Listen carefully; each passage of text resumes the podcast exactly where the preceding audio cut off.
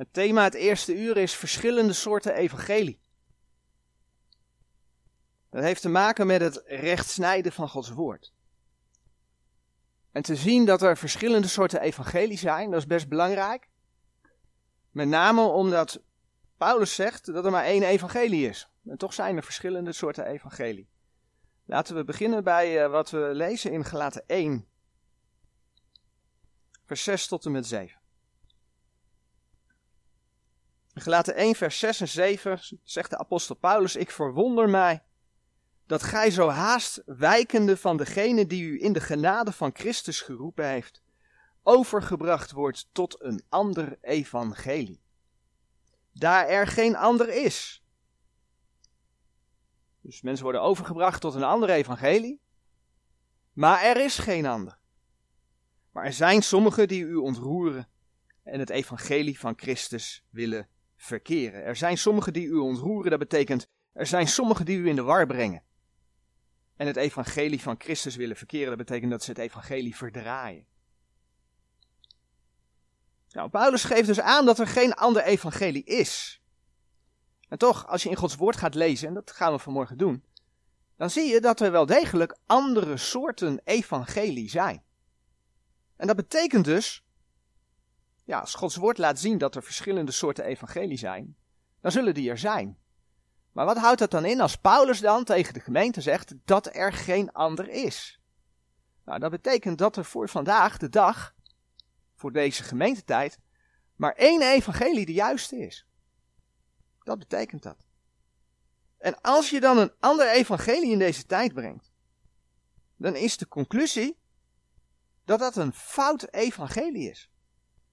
Ondanks dat je het misschien in Gods woord tegenkomt. Kijk in Galaten 1 vers 8 en 9. Doch al waar het ook dat wij of een engel uit de hemel een u een evangelie verkondigde buiten hetgeen wij u verkondigd hebben, die zij vervloekt. Gelijk wij tevoren gezegd hebben, zo zeg ik ook nu wederom, indien u iemand een evangelie verkondigt buiten hetgeen gij ontvangen hebt, die zij vervloekt. Zo, dat zijn heftige woorden.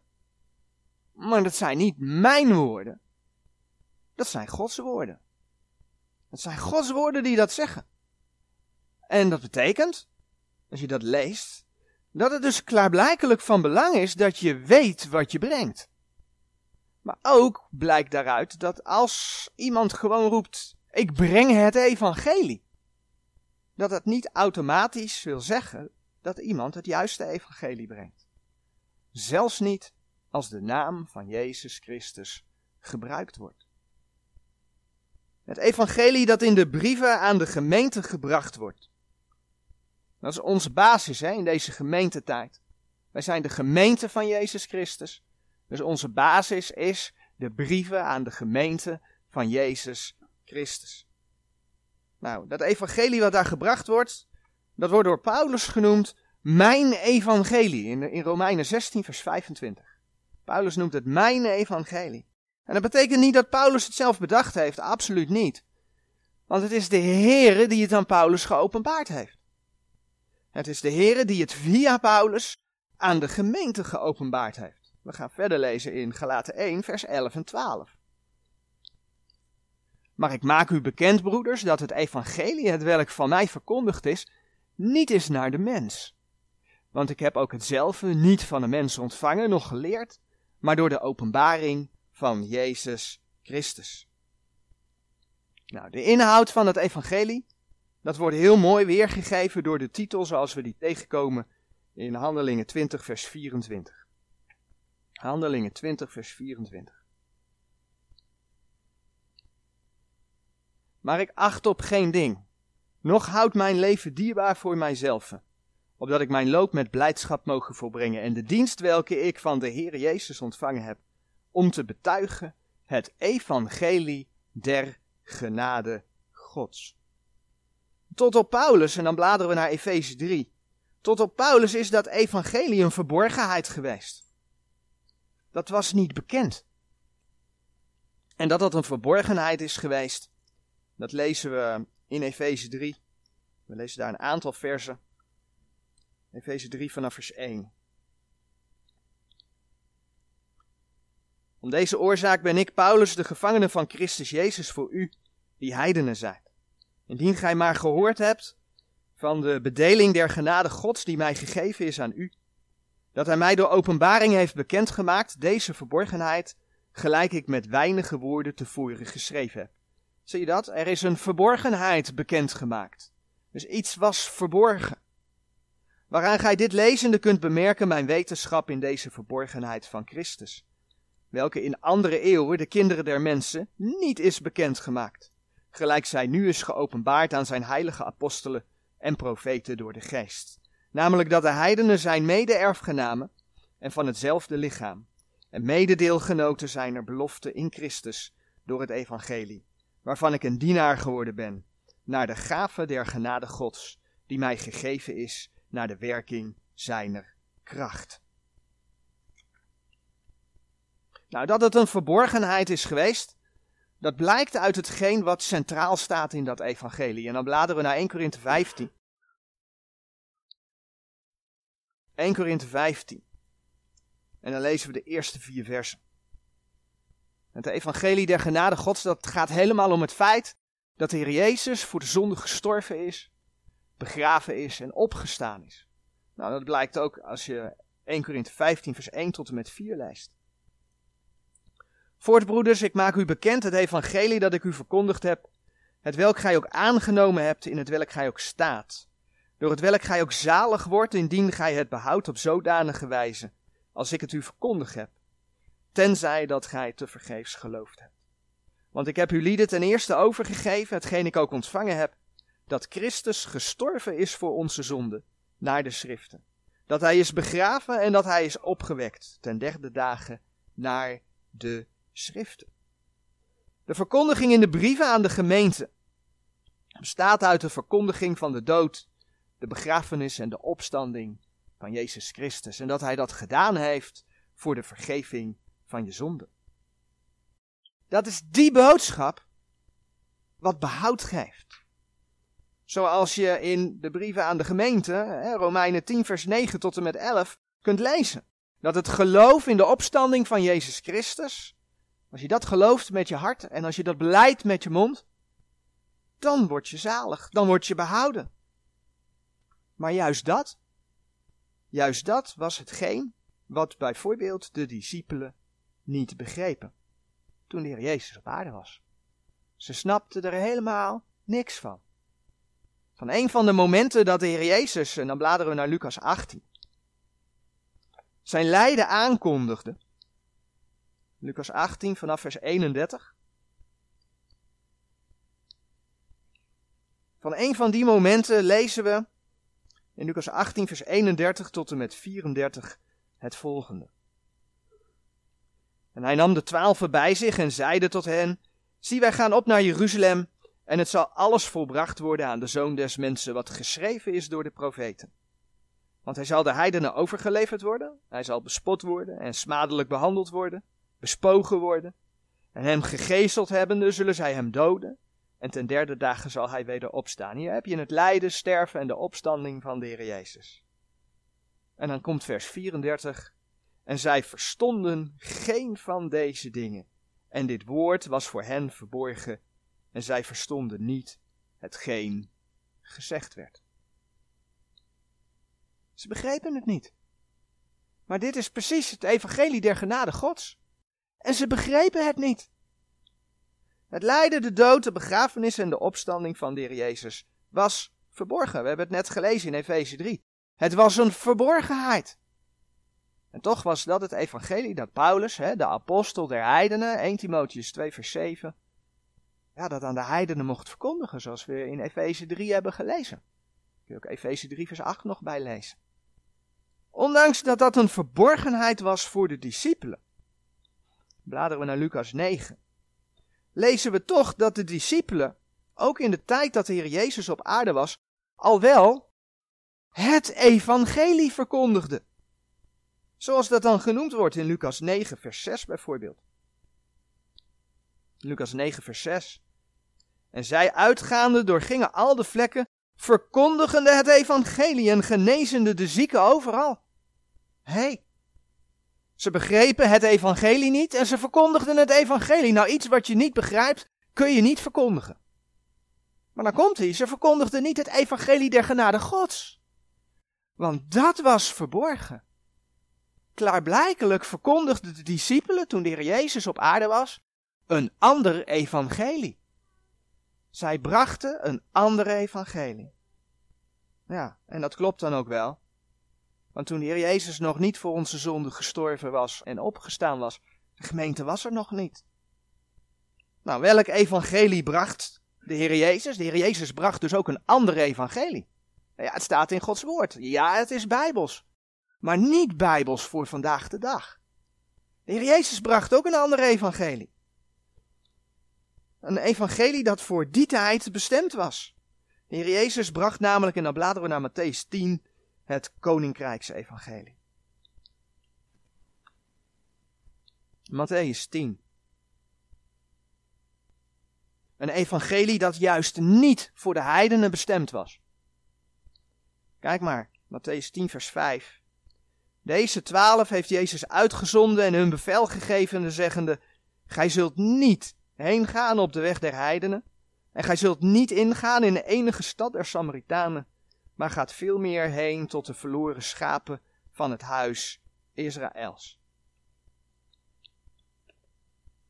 En wat predikte zij? De Heer Jezus en de discipelen, vers 7. En heengaande predikt zeggende, het koninkrijk der hemelen is nabijgekomen. Dus tijdens de evangeliën werd er een andere evangelie gepredikt. En dat evangelie is het evangelie van het koninkrijk. En dat evangelie werd gepredikt aan het huis Israëls en juist niet aan de heidenen. Een evangelie dat specifiek was voor het koninkrijk dat te komen stond, want de Heer Jezus kwam op aarde en die kondigde het koninkrijk aan. Maar ja, de Joden hebben hem verworpen. Dat koninkrijk is uitgesteld. Dus dat koninkrijksevangelie hoeft vandaag de dag niet gebracht te worden. Dat koninkrijksevangelie, dat ging gepaard met tekenen, wonderen en krachten door de handen van de Heer Jezus en de discipelen. Zieken werden bijvoorbeeld genezen. Eh, Matthäus 10 vers 8.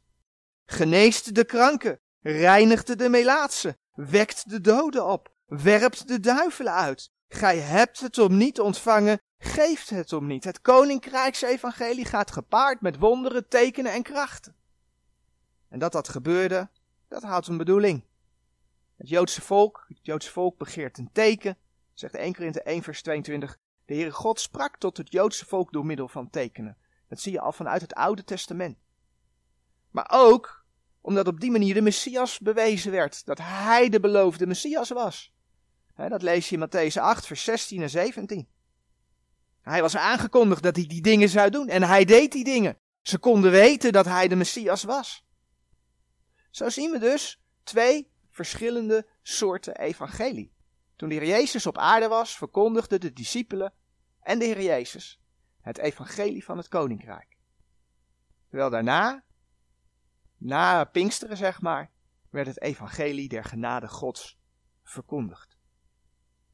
Twee verschillende soorten evangelie, die allebei dus bijbels zijn, maar niet allebei voor deze tijd. Er is na Pinksteren een ander evangelie gaan gelden. En dat niet alleen voor de heiden, maar ook voor de Jood. Als je Efeze 2 leest, dan lees je dat in Christus zowel Jood als heide één zijn geworden. Dus blijkbaar is er ook een overgang geweest. Een overgang geweest van, van die periode dat Heer Jezus en de discipelen op aarde waren en de periode van de gemeentetijd. Daar is een overgang geweest. En ja, dat vinden we ook in Gods woord. Handelingen 13, vers 46 is daar een voorbeeld van. In Handelingen 13, vers 46 lezen we. Maar Paulus en Barnabas vrijmoedigheid gebruikende zeiden: Het was nodig dat eerst tot u het woord Gods gesproken zou worden. En dat is dan het Joodse volk. Doch nademaal gij het zelf verstoot en u zelf des eeuwige levens niet waardig oordeelt, zie, wij keren ons tot de heidenen. Dat is een omkeer. Dat is een verandering in, in, in, in Gods plan, in Gods handelen. En we zien het gewoon beschreven worden.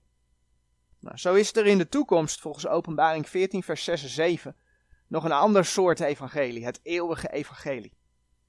Een evangelie met een andere inhoud als het evangelie der genade gods.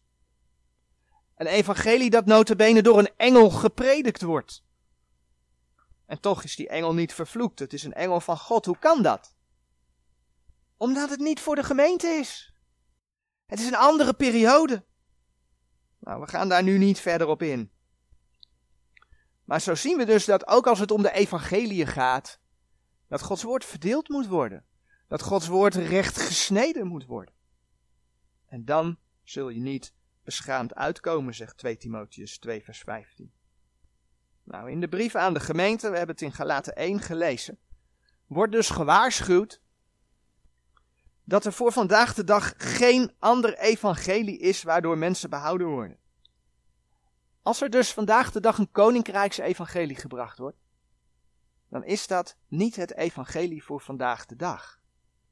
Dan is dat een verkeerd evangelie. En dat is juist wat we heel veel om ons heen zien gebeuren, want binnen charismatische kring, overigens ook binnen de standaard kerken, daar blijven ze meestal in de evangelie hangen als het om de verkondiging gaat. de, de Heer Jezus die, die een voorbeeld geeft hoe je lief kunt zijn voor elkaar. Ehm, daar blijft men meestal bij hangen. Als een soort uh, ja, morele lessen die je dan meekrijgt. Maar dan blijf je hangen bij het koninkrijksevangelie. En dat is niet voor vandaag de dag. Juist in charismatische kring is men dan ook gericht op de gaven van de geest. En dan vooral vaak de wonderen, de tekenen en de krachten. Genezingen. Men gaat eraan voorbij dat het koninkrijksevangelie niet voor vandaag is. Dat de Bijbel laat zien dat uh, de gaven waar ze het dan over hebben, dat, dat, dat de Heer dat de merktekenen der apostelen noemt. 2 Korinthe 12 vers 12. Dat de Heer laat zien dat er laatste apostelen geweest zijn. 1 Korinthe 4 vers 9. Ik noem heel kort een aantal dingen, maar we hebben daar uitgebreid bij stilgestaan. Nog niet eens zo heel lang geleden. Met andere woorden, de hedendaagse wonderen en tekenen, die zijn vaak niet echt. Ja, en als er dan wel wat gebeurt, want er gebeurt soms echt wel wat, dan weet je dat het niet van de God van de Bijbel is. Men is bezig met een vorm van spiritisme. En ook de vijand van God kan krachten, tekenen en wonderen der leugen doen. En daar wordt niet voor niets voor gewaarschuwd in de eindtijd, 2 Thessalonicense 2 vers 9 dat die antichrist komt met wonderen, tekenen en krachten der leugen. De Heer laat zien dat die duivel, en, dat vers zoeken we op, 2 Korinthe 11, vers 13 tot en met 15, dat die komt als een engel des lichts. 2 Korinthe 11, vers 13 tot en met 15.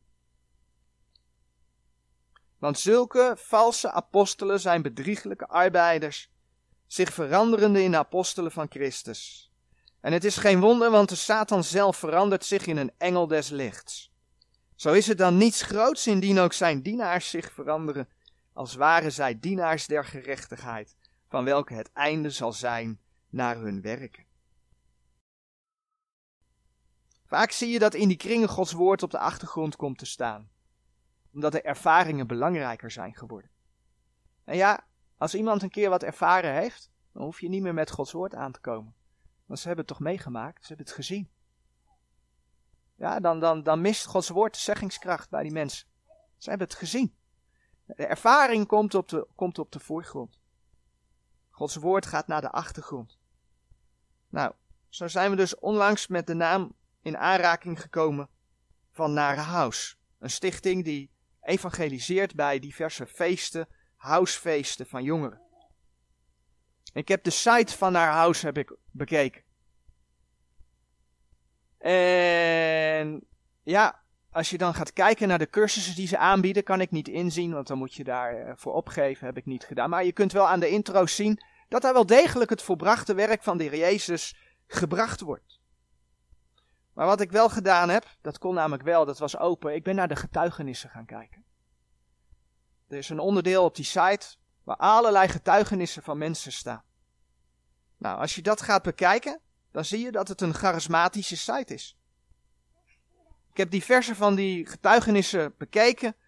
En van degene die ik gezien heb, zijn er maar weinigen die zeggen dat ze hun zonde beleden hebben. En dat ze de Heer Jezus als hun persoonlijke verlosser aanvaard hebben. Wat ik wel hoor in die getuigenissen is dat ze Jezus zien. In een wolk aan het voeteneind van hun bed. Dat ze een stem horen.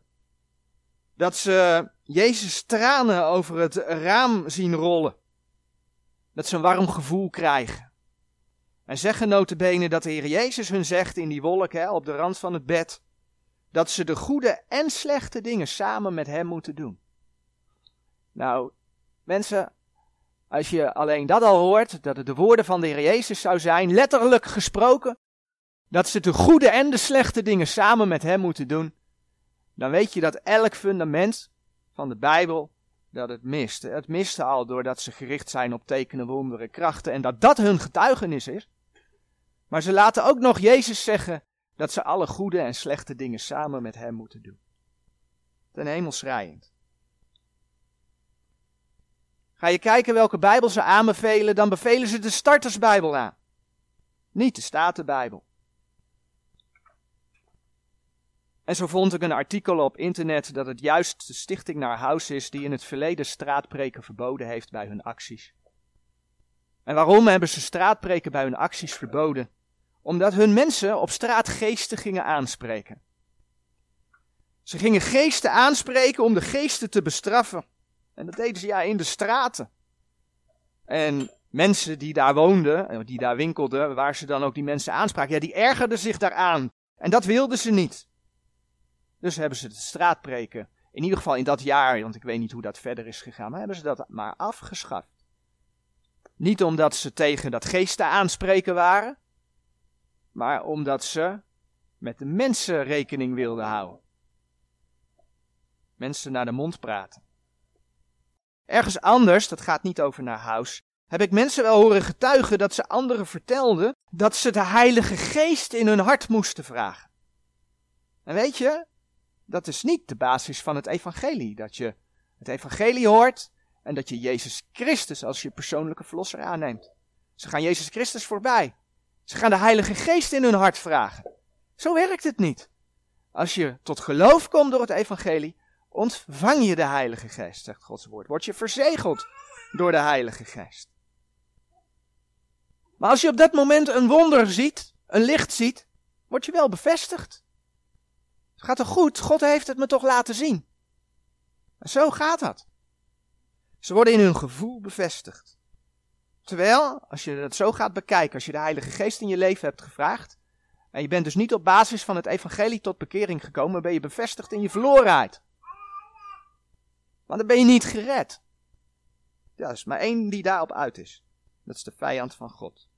Het is een onbijbelse gang van zaken. Het is allemaal totaal charismatisch, gebaseerd op zien, gebaseerd op wonderen, gebaseerd op tekenen. En dat is de prediking van het overigens verdraaide, want dat is nooit het oorspronkelijke koninkrijksevangelie geweest.